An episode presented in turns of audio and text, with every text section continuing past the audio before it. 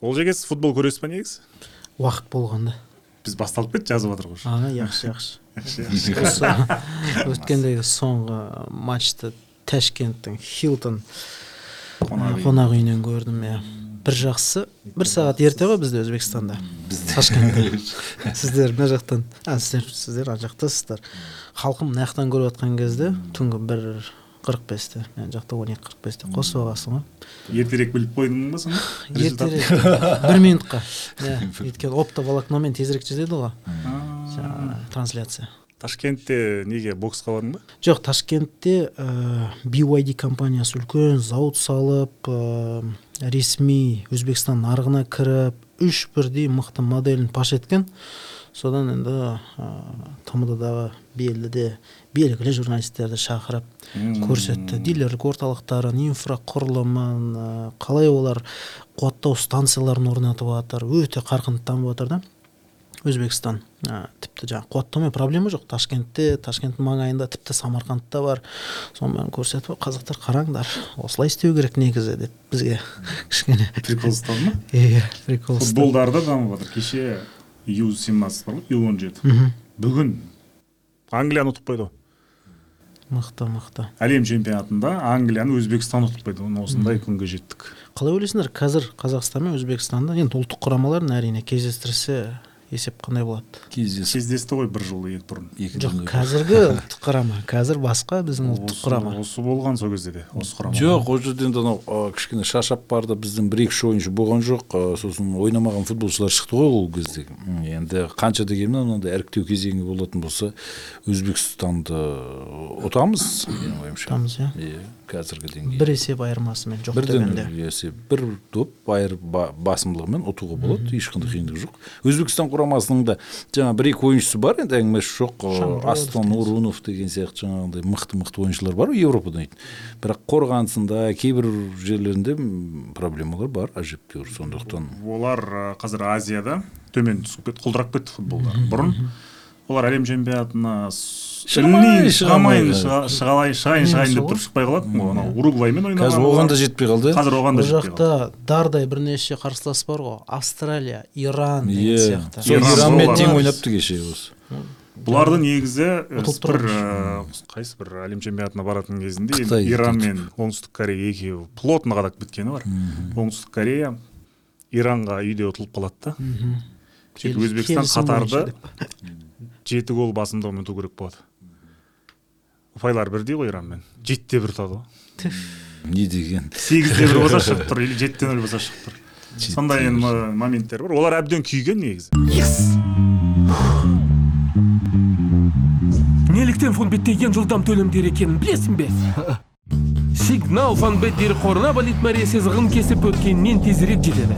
Процессинг орталығындағы төлем алгоритмі боксшының оң жақ хук жасауынан тезірек басталады. Банк аударымды хоккейші соққан шайбаның ұшуынан жылдамырақ өңдейді. Ей болды енді. Жай ғана бас. Фонбет ең жылдам төлемдер. Динамо загреб лион деген матч еске түсіп кетеді осындай кезде. Кеше бір адамдар айтып отыр еді ә, мишель платинидің кезінде жемқорлық болған жоқ франция құрамасы ондай бір білген істеген жоқ еді деп. Ә, негізі клубтық деңгейде болған бір екі оқиға. Соған байланысты платини мырза сотталып істі болып неше түрлі жағдайға тап болған. Енді ол қазақстан мен өзбекстан футболын салыстырып отыратындай бізде жағдай жоқ. Біріншіден оны салыстыра салатындай бір оңайды шаруа емес. Олар азияда ойнайды біз европада ойнаймыз олар азияның мықты топ он командасының қатарына кірсе біз европаның топ он командасының қатарына кірмейміз. Жақын арада да кірмейміз. Ол түсінікті нәрсе. Темір. Иә темір кәдімгі қатып қалған қағида бірақ э, дегенмен деңгейіміз бірдей. Шамамен ұқсаспыз. Ойынымыз да келіп тұр. Бірақ сол мына олар азияда ойнағаннан кейін біздің де футбол кезінде соған ұқсас болған ғой. Яғни кіп кішкентай жыбыр жыбыр техникаға салып алып кәдімгі жылдамдығы мықты футболшылар еді. Ал бізде ондай емес. Бізде кәдімгі бойы бір тоқсан бір тоқсан кәдімгі дәу дәу балалар ойнайды көтереді ә, тоқтатпай тебеді деген сияқты нәрселер. Атлетизм сол жағына еуропаның футболы кішкене ерекшеленеді және тактикаға миға басқа салады ойынды. Ал ол жақта қатты жүгіріп көп гол ұрып қатты теуіп деген сияқты нәрсені жасайды. Сосын жаңағы тәжікстанның футболын мысалға. Тәжікстанның футболшыларының менен техникасы мен скорость дейміз ғой жылдамдықтарына таң қаламын мен. Масқара не деген мықты дейді бірақ ұлттық құрамасы келеді түк істей алмайды. Әжептәуір футболшылар бар олардың да ресейде жаңағы белоруссияда болгарияда ойнайтын футболшылар бар. Сондықтан анау жаңағы шахтер донецкіге алды ғой хусров тоиров деген. Ақтөбеден сондықтан- сатып иә. алған кәдімгі. сондықтан азияның футболы сәл кішкене осы жағынан ерекшеленеді. Сәл бір ә, еуропаның футболына ілесе алмайтын жағдай бар. Оны енді мен қазір айтсам ой ондай емес бүйтіп М, әлем чемпионатының турнирлік кестесін ашып қараңдар. Африкада да сондай. Мен қайтадан айтам футболды кім қатты жүгіреді кім қатты тебеді сол жеңетін болса баяғыда сенегал жеңбейтін бе еді әлем чемпионатын? Казимес горский деген атақты бапкер айтқан. Футболды ақша басқаратын болса онда біріккен араб әмірліктері баяғыда төрт дүркін әлем чемпионы болатын еді ғой дейді. Көрдіңіз бе мәселе сонда? Ұлттық құрамалар ойнайды. Ұлтқа байланысты болады. Анау златан көке ибрахимовичтің де айтып жүрген бір қал, қалжыңдау әңгіме ғой енді ол кісіге. Сіздің сыңарыңыз ғой. Иә айта салатын нәрсесі ғой. Сонда айтады ұлттық құрамаларды біз мемлекетке бөліп ойнайтын болдық қазір. Ал ол ондай емес. Ол ұлттардың жарысы болып басталған басында көкемдер жаңағы француз көкемдер Иә, бастаған иә, кезде демек мысалға қара мен златан ибрахимовичпін мен швецияның азаматымын паспортым швеция. Бірақ менің ұлтым кім? Менің ұлтым Босниялық. босниялық. Мен демек босния ұлттық құрамасына ойнауым керек. Иә. Азаматтығым швеция болып қала берсін дейді.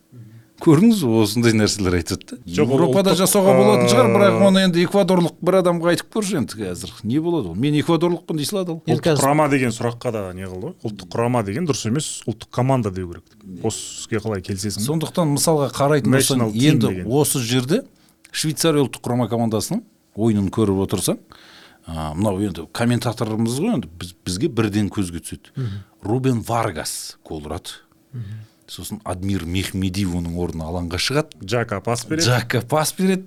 Сонда қарасаң анау Родригес. Родригес Рикардо. ол рикардо родригес деген ғой. Испан. Тілді адам.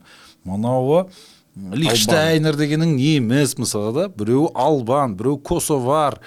Ыыы, деген сияқты адамдар осылай осылай ойнай береді. Онда ұлтқа бөлетін болсаң ана швейцария деген ұлттық құрама жоқ қой енді мысалы шықпай қалады. Сондықтан ол да проблема енді.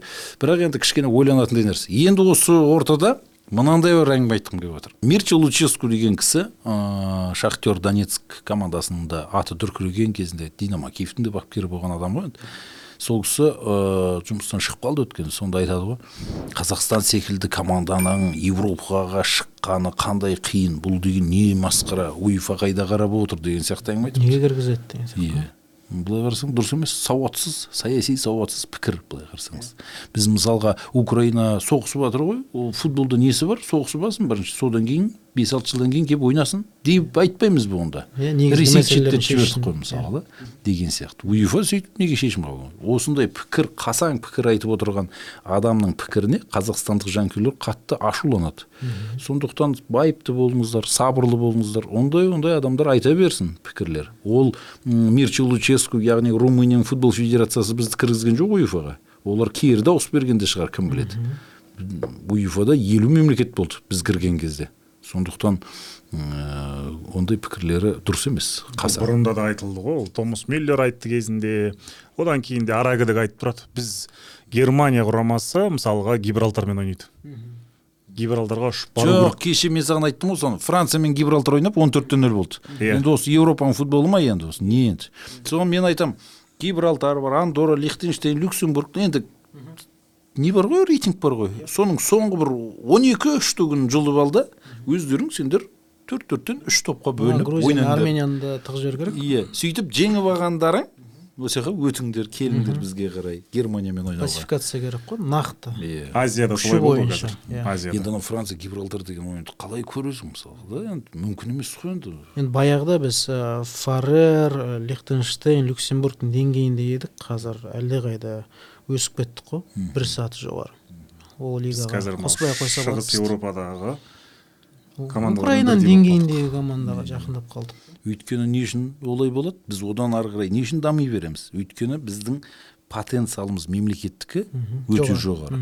территория алып халық саны. халық саны жиырма миллионға жеткен. Румыния сияқты ғой. Мемлекеттің любой түкпіріне стадион соқсын мысалы лихтенштейнде адамдар бар екен стадион соғайық давай футболды көтерейік жер жоқ стадион соғатын.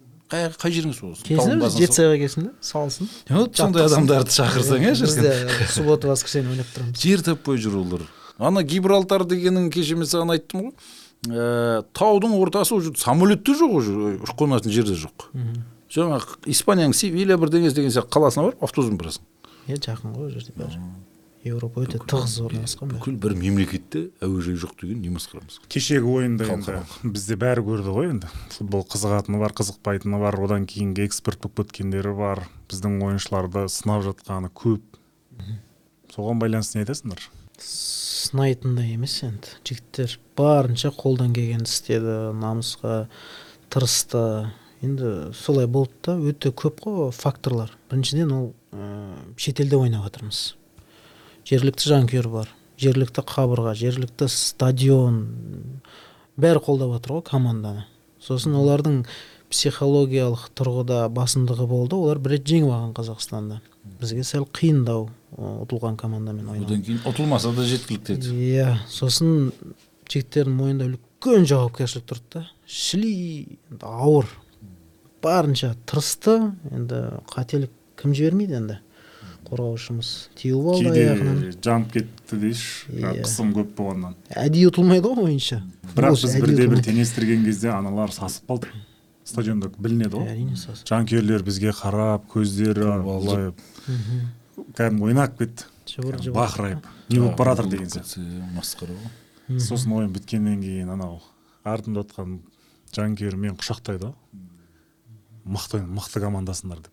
Наурызда бұйыртса грециямен ойын күтіп тұр ғой. Иә грекиямен ойнайды. Меніңше жігіттер ұтып кетеді бұйыртса. Әумин солай болсын ұтып жоқ, бұл- бұл ойында бізде- Иә, иә, иә, ғой пенальтиге бұл ойында бізде анау асхат исламхан зайнуддинов Зайнутдинов ойнамады ғой. сол енді наурызда үшеуі сапта болса қарашы сондай ойыншыларсыз жігіттер бәрін сезіп біліп сол деңгейді түсірмеуге тырысты да осы ойында. Бірақ енді жеке шеберлік дейді ғой. Мысалы зайнуддинов енді біраз мәселені шешуші еді. Кешегі ойында аман есен ойнап шықса. Бірақ өкінішке қарай дейді ғой. Сен енді не- айтасың? Профессионалды өзің Енді- көзқарасыңды айтшы оң қапталдың ақсағаны болды ғой негізі. Бір ә, қателік қой енді. сол бір қателіктен жаңағы сергей малый шабуылға араласып оны магомед мұсаұлы ана баспен гол ұратынын пайдаланамыз деп соңына дейін шығармады. Одан кейін баспасөз мәслихатында келіп шығаратын адам болған жоқ деп мо- мойындады. Оны шығарайын десе менің жаңағы нұсқам лив скворцовты он минутқа. сексенінші минутта лив скворцовты малыйдың орнына шығарасың да оны қапталға оң қапталға жібересің. он минут ойнап береді ғой қапталда қырылып бара жатқан ештеңе жоқ. Сөйтсем жаңағы магомед мусаевич жаңағы журналистерге айтып отыр да он не мог усилить игру дейді. «Е, усилить етпей ақ қойсын нең бар оны усилить етіп? Жүр ғой ортада неше түрлі мынау грай бар мынау ортадан шабуылдаймыз ол натиск қой ол кезде кім кімнің кімнен не істеп жатқанын лақылдап шабуылдай беру керек еді соның орнына марат быстровты сергей малыйдың орнына ортаға қоясың. Бұрынғы өзің позициясына. Сөйтіп сереганы демалысқа жібересің. Ол демалсын. Ол біраз еңбек етті. Ол жетпісінші сексенінші минутқа шейін ойнап отыр. Ол өзі максимумнан асып кетті ол. Өзінің возможностьтері дейміз ғой футболдағы. Абатты да ертерек шығаруға болатын еді сол кезде міне сексенінші минутта абатты да шығару керек еді. Он минут тоқтамай топырлатып ұру керек еді. Бес ойыншыны алмастыру керек еді сол кезде. Енді көрдіңіз ба сөйтсек ана абзал шаршап қалды исламбек жол тұя алды. Залды ертерек алмастыру керек еді деп жанкүйерлер көп айтып жатыр жазып жатыр. Сосын жаңағы ана жерде ойыншылар алмастырамыз деп кімдің орнына кімді алмастырамыз? Точечный замена жоқ қой бір адамның орнына барады содан он минут па жеті сегіз минут жүріп қалдық дейді. Ұзақ ойланып қалған ғой жаңағы анализ жасап ақылдасып тұрған кезде уақыт өтіп кетпей ма? Әйтпесе бірде бір болған тәжірибе магомед мұсаұлыда ондай ірі деңгейде тәжірибе жоқ оны мойындауымыз керек. Бірақ әжептәуір. енді жинап енді келе жатыр ғой. одан кейін біздің қазақстан құрама командасында да ондай өмірінде тәжірибе болмаған ондай матчтарды қалай ойнау керектігін білмейді да ондай ойындарды мен керісінше айтып отырмын ғой сексенінші минутқа шейін нөл нөл гол соқпа жатып ал защитаға бол төк істемей қою керек еді сөйтіп барып шабуылдау керек еді сексенінші минуттан бастап. Сөйтіп ойнайды оның елдің бәрі. Бәрі сөйтіп ойлайды. Бізде де сондай болу керек еді тәжірибе сәл кішкене жетіспеді бірақ енді бұл жерде мынау кінәлі мынау кінәлі деп айта алмаймыз. Бұл бір матчтың эпизоды. Осы деңгейге дейін өзі алып келді өзі өсірді өзі пісірді коллектив жасады. Оған зор алғыс айтамыз әлбетте. Магомед мұсаұлының еңбегін жоққа шығарамаймыз. Мынандай жігіттерді жинап команда тура осы ойыншылар осының алдындағы іріктеуде сан марино біздің топта болған кезде біз не болдық? Ресейге төрт те нөл ұтылдық. Сырт алаңда шотландияға да ұтылдық үште бір. Кипрге ұтылдық қой біз ол кезде кипрге. Ана ана астананың шабуылшысы бізге гол ұрды ғой. Перес сатирио деген. Сондай сондай жағдайлар болды. Енді не дейміз енді? Қазір бұл жолы оған қарағанда жақсы нәтиже статистика цифр бәрі көз алдарыңызда тұр. Үміт сыйлап соңғы турда евроға шығатын мүмкіндік сыйлау деген енді масқара. Біз баяғыда соңғы турда ішінде далбасалап бір керек емес ойында латвияға гол ұрып турция ар жақта соның арқасында евроға шығып жатыр иә, иә. ол бізге қатысы жоқ былай қарасаң да енді. Рахмет айтатын еді Иә, жоқ. жер болып. Айтпа былай қарасаң да біздің қолымыздан келетін сол ғана еді. Сондағысы біз алтыншы орын емес бесінші орын алып жатырмық сондағысы. ойбой енді қазір екінші орын ала алмағанымызға қырылып жатырмыз енді. Бірақ енді тәжірибе дегенде осыдан келеді ғой. Жанкүйерлер де тәжірибе жинады бас бапкер тәжірибе футболшылар сезініп бір жылап бір құлап тұрып алды дегендей. Алаң жетіспеушілігі сезілді. Мықты ойыншылар жетіспейді. Несі сапасы нашар болды. Иә огород қой? Огород болды. балшық болды кәдімгі. Жаңбыр тоқтамай жапты содан кейін. Енді айта берсе көп қазіргі мынау ә, кейінгі шығатын жас футболшылар соларға да сенім артамыз буын алмасу болады. Өйткені мына біз жаңа айтып отқан жігіттердің бәрі кетеді ертең. Абзал біраз жасқа келген адам футболдан әбден тойынған адамдар ғой. Жиырма жыл тоқтапен ойнады. Қаншама жарақаттары бар. Аяқтары шықырлап жүрген адамдар. Исламбек қуат та сондай. Ой ой алпыс жетпіс матч ойнап тастады ұлттық құрамаға. Солардың орнына адамдар керек қазір. Соның орнына қазіргі мына балалар бапкері сәрсен оқасов деген кісілер. Қандай жұмыс істеп жатыр балалар бапкері ауылда үй жақта не жаңалық олжас? Мен енді көрермендерге айта кетейін бұл олжас оқасов өзінің әкесі бапкер болған. Жаңағы киіз дейміз ғой алмалы бақ па қазіргі Иә, аты алмалы бақ. сол жақта бапкер болған мынау перцух бауыржан берген, тұрысбек иә. ұлттық құрамаға Иә. екі шабуылшы берген гридинді де сол кісі кезінде біраз ойнаған деді ғой маған айтқан сексен сегізге қатысы Иә. иә бауыржан тұрысбек бар ғой сол Иә. е, ол сенмен бірге ойнаған 91 ғой ол. иә тоқсан бірлер мына бәрі бірге ойнаған сол жақта сосын алматыға келген ар жаққа барған сондай әкесі бапкер кісі бірінші лигада ойыншылары суперлигадан да көбірек ұқтыңыз ба? иә. Ол жоғарыға шыққандар ғана ғой Иә. екеу сосын төмендей береді ғой бірінші лига екінші лига анда мында. Тіпті ә, кім ерасыл да менің әкемде жаттыққан тоқсан алтыншы жылғы. Ол қазір не істеп жатыр қазір ә, мини футболға ден қойды. Мына жер жылы екен деп. Зал залдың жақсы екен деп. иә. Дала суық екен залға кірейік деді иә біраз талантты ойыншылар бар. Енді Ә, алматыда өткенде- иә зал мықты ғой негізі. Иә өткенде бишкекке барып ә, орын алып келді олар. Сосын шығыс қазақстан ридерде ойнап орын алды. Өте жақсы балалар. Кішкентай балалар ғой. Сол сонымен біреу айналысу керек қой. Кішкентай балаларды тәрбиелеумен. Кішкентай балалардың футзалы. Иә иә иә біз енді анау кішкентай балалардың футболда жолы болмағандар зал барып ойнайды ғой залға сол сияқты. Жоқ олар ә, залдан ары қарай ә, кетуі мүмкін ғой үлкен футболға. Үлкен- ең бастысы олар футболмен айналысу керек бала марсело секілді бразилиялықтар Иә. мини футболдан бастағандар ғой енді. ең бастысы жаттығуды тоқтатпау керек қой күнде. Залдан сыртқа шығады жазда ақырынып «О, мынау не расстояние жақсы екен жүгірейін кішкене деп жүз метрге арасынан шығады. Сөйтіп біз де залда ойнағанбыз. Тоқсан бірлер де залда бәрі залда бастаған сөйтіп ақырындап.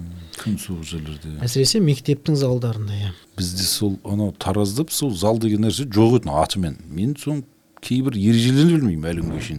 Осында келіп үйреніп жүрмін ғой. Сол казгуда ойнадық баяғыда олжас екеуміз бір Иә. командада ойнағанбыз кезінде голевой пас беріп ермаш баспен ұрып. Е ана біреу фото бар ғой плат перекладной ұрғаным бар еді ғой. Мен легендарный гол болған.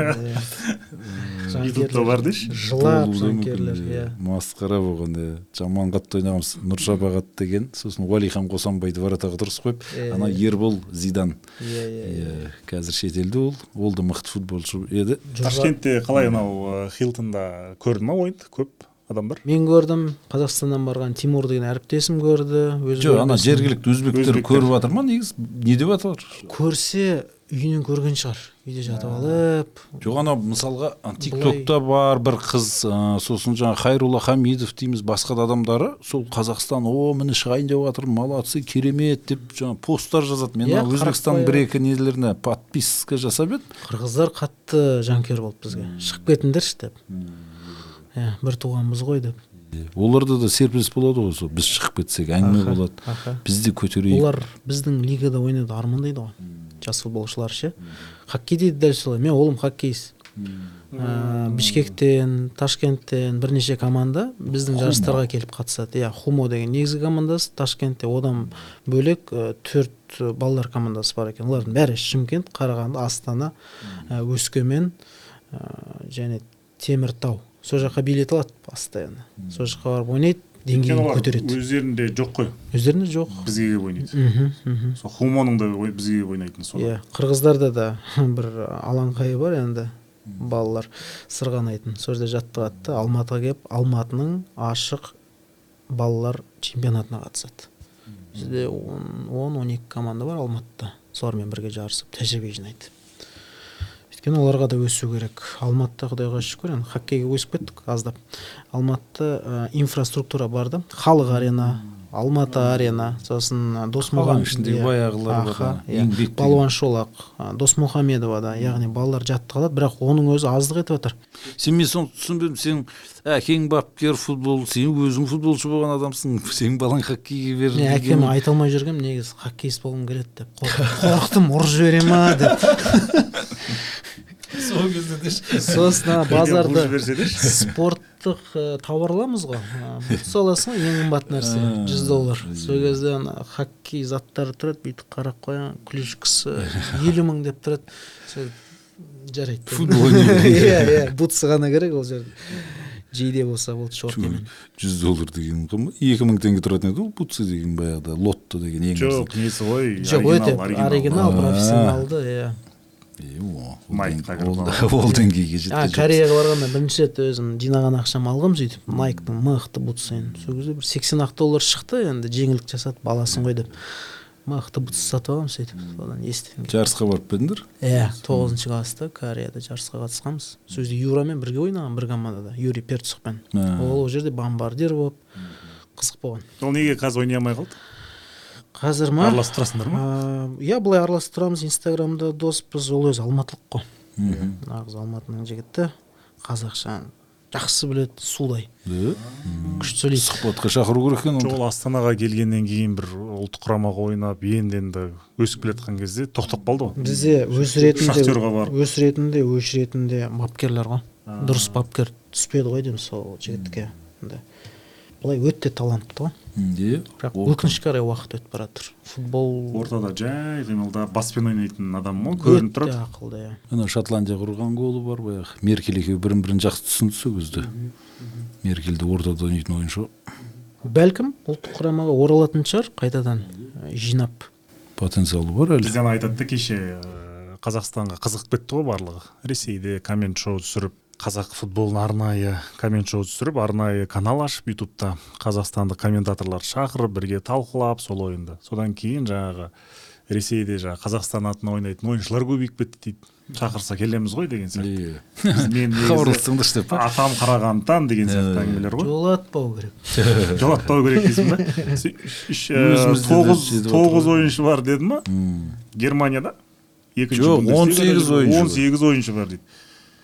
Әкесі атасы қазір қазақстан престижді мемлекетке айналып бара жатыр ғой тмд да ойнағысы келеді бәрі өйткені қазақстанға. Бұрын келгісі келмейтін еді ақша сұрайтын еді қазір дайын тік қасық. Міне евроң міне әлемің жақсы ойнасаң болды ақша мысалға енді сен алматыда тұрасың ғой енді алматыда қайраттың ойындарына барып тұратын шығарсың. Паулдың ойыны қалай? Ә, маған қайрат футбол клубы мүлдем ұнамайды. Мен хейтермін. Иә. нөмірі бір деп иә қойсайшы бала кезде мен тобылдың жанкүйерімін. Мәссаған. қостанайдан ең иә огайдан бері қостанайдан бір ақ шықтың ғой олар интер тотода шайқаған кезде өліп талып ғашық болғанмын командаға жұмасқалиевтің ойынына мазбаевтың ә, котов лотов гаркуша деген кісілердің ба иә. сосын сол кісілерге жанкүйер болдым да. Сөйтіп бір командаға жанкүйер бола берген дұрыс дедім. Қазір де сондай қайрат ұнамайды маған Неге? жек көремін алматыда тұрасың? Ғой орси команда ғой шли орси? Иә қалай дейді ана айғайлағандары содан бастап тітіркенеді денем ше. Жек көріп кетемін. Олардың кричалкалары қандай өзі білмеймін нам нужна только победа дейді онда ол арасында. Алматы столица Столица мира. ей ей не сөзі ол алматы дейді. Ондай қала жоқ. Алматы столица мира. Хей хей. Алматылық қайрат қарсыласы жайрат деп өлең шығарып берді ғой. Жалын қалып неге соны алмайды иә керемет ән шығарған. Иә сосын қанша қазақша сөйлейтін балаларды шеттетіп тастады қанша мықты маркетологтарды шеттетіп тастады қанша мықты баспасөз ә, қызметкерлерін жұмысқа алмай қойды. Мақсат раджул істейтін еді ғой. Былтыр кімді шығарып жіберді ғой анау? Вайнер жігіт бар ғой. Әділет бисариев. үлкен шу болды емес пе? Один икс бетті бір икс бет деп айтқаны үшін Иә. шығарып жіберген ойлашы. Иә сондай. Неге олай айтасың деп. Жерде юля деген кісі істеген сол кісі өзінің ә, несін жүргізетін жаңағы. Ішкі саясат ішкі саясатын орси саясатын. Сөйтіп қазақтарды жақындатпайтын. міне. иә. Енді ол жерде қазір клубқа қайтадан қайрат боранбаев келіп отыр енді жағдайды реттейтін шығар. Реттелсін сосын барамыз алаңға. Матч сен көруге э, жанкүйерлер ететін тобылың да тобыл болып тұр ғой әлі? Енді қайтеміз енді. Тобыл болып тұр иә. Тобыл деп өзгерту керек. Соған келеді бәрібір. Түбінде. Келеді ғой. Иә. Енді мынау ә, бұл негізі олжас бұрын спорт журналист еді ғой. Про спорт та істеді тағы біраз сайттарда істеді. Содан кейін мынау автоблогер болып кеттің иә қазір. Машиналардың айналасында. Қазір мынау маған бір қызығатыным бір сұрағым келіп отқан. Осы машина сататындар көп. Келіп жатыр ғой футболға. Жалпы не үшін келеді олар сонда? Мынау черри бірдеңе деген жаңағы компаниялар оларға демеуші болып жатыр ғой. аудитория трафик керек ұқтыңыз ба? Жалпы былай түсіндірейін. Жарнама әлемінде ә, мемлекетке салық төлейтін де ең көп жарнама жасайтын да бірінші кезекте автомобиль сферасы. бірақ онымен қазір бізде мыналар жарысып жатыр жаңағы букмекерлік Бәкеңдер. иә. Одан кейін үшіншісі дәрі. Фармацевтика. Байқайсыңдар ма? нтк жаңағы ктк көріп отқан кезде ойбай мына дәрі ана дәрі мынау пайдалы деген сияқты көп жарнама шығады ғой. Олар телевидение радиода көп жарнама береді.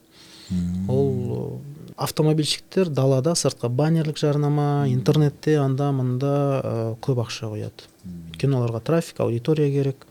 Э, сол арқылы брендтің позициясын күшейткісі келеді. Халыққа ұнағысы келеді да бір сөзбен солай. Бәсе деймін осы биыл футболда бір кплдың екі үш клубында тіпті бірінші лиганың бір екі клубында осындай жарнама пайда болды. Ермаш оны дұрыс пайдалануға болады. Егер қазақстан футбол федерациясында мықты маркетологтар осы бағытта жұмыс істегісі келсе ірі бірнеше ақ компания бар ғой соларға хабарласып ә, серіктестік туралы келісімшарт жасауға болады. Үлкен бір- команданы қолдамай ақ қойсын. Балаларға бар ғой бізде. балаларға жақсылық жасаса керемет болады. Мысалы алюр компаниясы барысқа жа, жаңағы спонсор. Иә. Күшті ғой. Сол сияқты жаңағы черри чанган басқа қандай Иә, бар жоқ, олар тойота бар лексус кез келгенін жаңағы балалар спортына балалар футболына тартуға болады. Сбор жасап берсін анда апарсын мында апарсын жарысқа шығарсын. Әлемде бар ғой негізі. Volkswagen вольсбургтікі германиянікі мерседес ана ауди барлығын алып қойған. швецияның Audi, бүкіл командасы барселона реал бавария барлығы вольво. Златан ибрахимович вольвоның жарнамасына түскен естеріңде ме баяғы енді бұл ең атақты аңызға айналған жарнама. Жалаңаш жүгіріп келе жатады ғой қардың үстінде сөйтіп жүгіріп жүгіріп келеді сондай ұлттық мықты Volvo компаниясы болса өзінің өз елінің өнімін жарнамалауға тырысады да ол жігіттер де мықты негізі. Ұлтқа қызмет етеді ғой жарнама арқылы.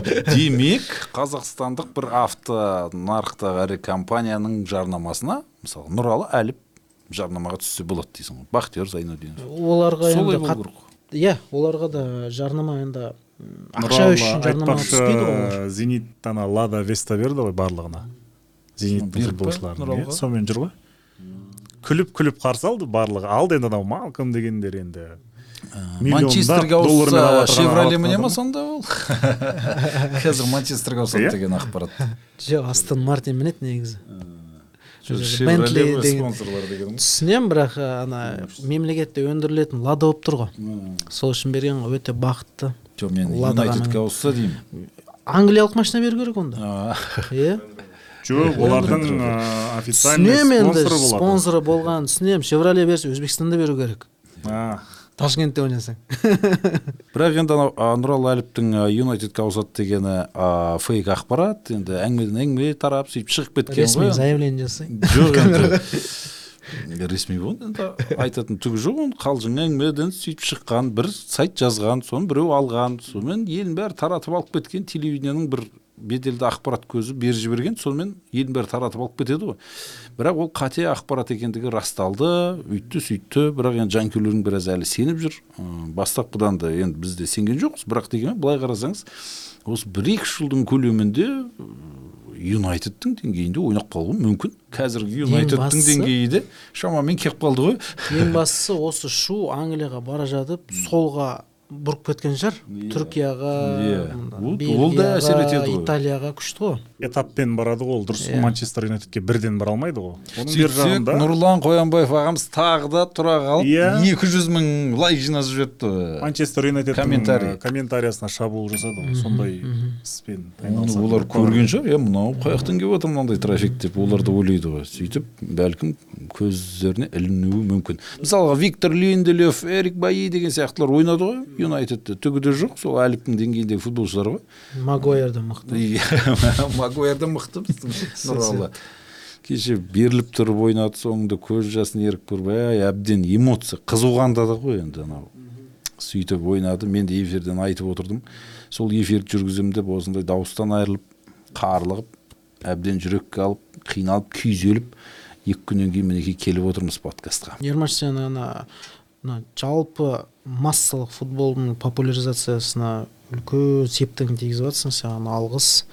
Балдар жаңағы аузын суы құрғап тыңдап отырады сені қарап отырады. Ауыл аймақтарда м, олар футбол алыс жақын Иә, шетелдердегі біздің иә. қандастарымыз звондаған ғой. иә, иранға шақырған иранда гүлистан деген қаладан моңғолияда баян өлгийден қоңырау шалды. Иә.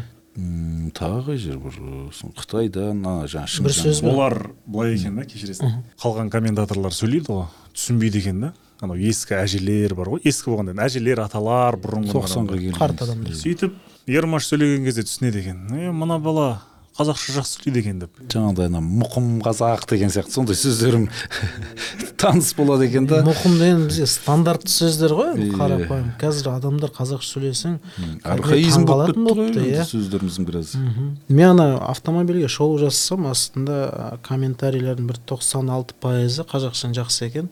Қазақша жақсы сөйлейді екенсің. Қазақша шолу бірінші рет көрдім. Жасай бер қазақ тілі. Сол ғана автомобиль жайында қалады техникалық. автомашиналардың өзің аударып ала бересің ба қазақшаға жоқ негізі тұрақталған қазақ тіліндегі техникалық терминология кітабы бар. А, содан көп нәрсені алдым бірақ а, заман өзгереді де кейбір сөздер өз жаңағы жаңарады ғой. Сондай сөздер бар адаптацияланған. Шанақ. Шанақ деген баяғыдан бар екен мысалы жоқ қардан вал дегеннің барлығы олардың иінді білік. Валды білік дейміз ол баяғыдан бар айналшақты бұлғақты шатунды механизм деп. Әне әне міне дайын автоблогер. Кезінде оқыдық қой біз. Иә мысалы сенсор ол ағылшын тілінің сөзі ғой. Сенс сезу. Оны сенсор деп айта берген дұрыс. Айтып отқан кезде голды гол пасты пас деп жүр ғой сол бүкіл әлем. Иә. Оны қазақшаға аудару не керегі бар он голдың тоғыз бастан екен. деген. сияқты ғой. Біреуі бастан. Әр саланы өйстіп жабылып қазақландырсақ ел болып сөйлеп кетеміз адам болып кетеміз сөйтіп сөйтіп. Бұрынғы сендердің нелерің қызық еді? Екеуің мақал құрастыратын едіңдер ғой. Да. еңку еңку жер шалмай прадо мінер күн қайда. Иә, неше түрлі. Мен футболға ол м, машинеге сол сондай ә, енді әйтеуір мына журналистикадағы бір фишкалар болады ғой. Соны пайдалану керек қой енді. Әрине көрермен тарту үшін бір ерекшелену керек. Ол баяғы біреулердің айтқан сөзін езіп өстіп отыра берсең. Отыра бересің ол? Иә қайталаудың қажеті жоқ. әркімнің өз стилі бар. Ермаш сенің артынан еріп сен сияқты болам деп бола алмай осы саладан кетіп қалған жігіттер бар. Мысалы. Олар өз стилін таба алмады да. Ә, әр жерде сондай болады әр салада сондай болады. Сондықтан сенің де стиліңді қайталағысы келіп жүргендер бар ғой енді бар біразы қойып кетті мүлдем жаңағы. Ары қарай. Атқара алмады да бір сөзбен. Бірақ олардың шыққан қалаймын да мен керісінше. Көбірек болса екен деп. Өйткені көрсететін айтатын дүние көп жетеді. Тілге де байланысты. Иә басқа ұлтқа да машинаға да бәріне байланысты. Басында енді немен бастайды ғой ол энтузиазммен бастағаннан кейін ол сөніп қалады ғой бәрібір. Иә белгілі бір уақыттан кейін. Олар неге дайын болмай шығады да? Қарқынға. Иә аяқ асты тоқтап қалсаң болдың өштің ғой. Ә, тоқтатпау керек үдете беру керек. Біздің ұлттық құрамамыз сияқты. Қазір бір деңгейге шықты ма? Ә, содан түспеу керек та керісінше үдету керек. Ә, нашар осал тұстарын күшейтіп мықты жерлерін одан да күшейтіп солай дамуымыз керек. Енді мынау ә, қазіргі қоғамда қатты талқыға қайтадан түсейін деп отыр бір мәселе бар. Бізде натурализация дейміз ғой жерсіндіру иә иә иә. Бір футболшы екі футболшы алсақ мен соған қарсы емеспін мүлдем. Қарсы емессің кеше мысалға қарашы біраз. жоау пауло болғанда кешегі ойында. Сол шешіп кететін бе еді? Мүмкін. Мхм. отыз метрден иә? мүмкін ғой. Ол негізі оның бір шальной ударлары бар ғой. Адам жаман ол, траекторияда ұстады украина әрқашан ұстайтын осындай бір екі ойыншыны. Иә марлостар ойнады ғой. Әлі де бар қазіргі құрамда бар бар. Сол секілді қазақыландыру керек оларға. Қыз алысып қыз берісіп. Мхм. сөйтіп адам қыз жібереміз қазақ қыламыз. Игита жүр ғой мысалға. Біраз қазақтан қарағанда патриот қой былай қарасаң. иә ой ең бақытты адам ғой қазақстандағы. Мини ойнайды ол жерде темір бетон чемпион ол Иә. жыл сайын. Сосын ең ірі жаңағы жарнама берушілер келеді самалда иә иә. Біраз нәрсенің бренд жүр. амбассадор ол иә иә бәйбішесін құшақтап қызын алып алып достықтың бойымен туда сюда қыдырып жүреді кешке. төмен түспейді деші. Иә жоқ енді қазір мынау қазақстанда футбол ыыы мына үлкен футболды айтып отырмын да мысалға дамыды бәрі стадионға қазір билет таба алмай жүр ыыы қиын жүр кәдімгі мемлекеттік деңгейде талқыланып жатыр. Бүгін мен осы депутаттармен кездесуге барып келдім. Ә, тоқаев қасым жомарт кемелұлы президент те стадионға баратынды жиі баратынды шығарды мысалы бұл деген мемлекеттің ішінде футболға деген қызығушылық артып жатыр. Бұл өте тамаша нәрсе. Енді осыдан кейін деймін де жаңағы сенің айтып отқан ірі ірі автонарықтағы беделді компаниялар солар футболға қаржы салып футболдағы жаңа бір екі футболшыны бренд амбассадор қылуға мүмкіндіктері бар ма? Қалай? Бола ма осындай нәрсе? Болады болады оның барлығын істейтін маркетологтар. Қазақстан футбол федерациясының жаңағы жұмысшылар құрамында маркетологтар бар және бір емес мен білемін. Сол кісілер ірі компаниялармен келіссөз жүргізіп нақты проектілерін ұсынып ә, ортада келісімшартқа қол қойып ары қарай дамыту керек осы істі. Және нақты балалар спорты бойынша ә, әуесқойлар футболы бойынша және ә, профессионалдық деңгейде. Осы үш тарапқа бөліп қарқынды жұмыс атқару керек болды. Олар қой демейді ғой. Дайын жарнамасы тұрса болды оларға. Ақшалары бар шетелдік компанияларда. Меніңше келді ғой екі рет ә, президентіміз. Енді бұдан кейін ақша салынатын сияқты маған. Футболға керісінше сондай демеушілерден ақша салынатын сияқты. Және стадиондар салынатын сияқты енді бізде. Барлығы бізде стадион басынан басталады ғой. енді бүгін жаңа парламентте ә, жиналыс болды деп айтып қалдым ғой бір әң- мәжілісте. Сонда мына ауылдағы футбол мәселесін көтердік те кішігірім. Біздің де жанды жеріміз футбол федерациясының жалпы мемлекеттің де жанды жері ғой енді. Ол жаққа бару қиындау болып тұр. Біз біз негізі барғымыз ақ келеді. Осыдан екі үш жыл бұрын ә, ауылымның алаңы деген футболдан жарыс ойлап таптық та енді. Сегіз және тоғыз жастағы балалар бір категория оннан он екі жасқа дейінгі балалар бір категория болып ойнасын. Әшейін жай ойнай берсін дедік. Сосын бүйтіп қарап қарап ішінен бір теріп теріп мықтыларын аламыз. Олар түбі облысқа келіп ойнайды. Әр облыстың өзінің бір ауылдың баласы бір командасы чемпион болады деген сияқты. Мысалы алматы облысында алмалыбақ ауылы чемпион болды деген сияқты. Кегенді нарынқол ондай жарыс негізі баяғыдан бар. Сол баяғыдан бар болғанда ол дұрыс емес нашар Иә, иә, нашар ұйымдастырады.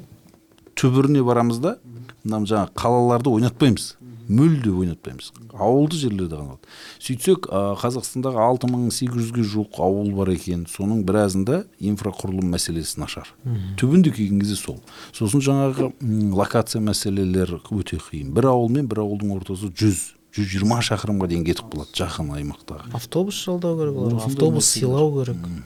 Жаңағы америкадағы мектепке бала таситын сары автобус бар емес. Пе сол сияқты қазақстан футбол федерациясы деп жапсырып қойып тіпті бірнеше ауылға маңайдағы жұмыс істейтін сондай автобус алып беруге болады. Ауылдағы ол футбол проблемасы емес. Одан көп проблемалар бар ғой енді футбол бір он бірінші он екінші орында тұр ғой қазір. Қазір бір ауылда мысалға бір команда шықпауы мүмкін ғой тоғыз жастағы балдардың соны ішінде. біз есептеп қойдық қой енді көрдіңіз ба біз соны қалай жасаймыз? Ауылдық округтер командасы болады. Мысалы бесағаш ауылдық округінде бес ауыл бар. Сол бес ауылдың балаларын бапкер физкультура мектебінің сабақ беретін мұғалім команда жинайды да мынау ауылдан екі бала мынау ауылдан үш бала әйтеуір сегіз тоғыз жастағы балалар болады. Сөйтіп барып ойнайды ғой көрдіңіз бе? Ауылдық округтың бір оның командасы. барлығы жиналып күнде жаттығу жасау керек қой. Көрдің ба қойды кім бағады? Қуат хамитов қолдамайды мына идеяны. Неге? Қолдамайды ол жерде ақша желінеді деп ойлайды ол кісі. Жоқ енді ол қуат мырза біз сізді күтеміз. Иә. келіңіз. Подкастқа. Подкастқа. Кеше ә, жаңағы соңына дейін кетті ғой негізі тегеурінділігіне ырза болдым ше қуатхан тағы да бір миллиард мен ұлттық құраманың ойынын көрмеймін дейді ғой. Ойын басталмас бұрын солай мәлімдеме жасайды да. Сосын ұтылып қалғаннан кейін Ой, пост ұтылып- жазады. ұтылып қалыпты ғой деп. Жоқ көрмейтініңді жазбай ақ қойсаң да болады ғой мысалға. Көрмей ақ қой жарайды. Біраз адам көрмеген де шығар футбол қызықпайтын адамдар да бар ғой. Соны енді ана ақпарат қылып жазып жатыр көрмейді екен қуат хамитов.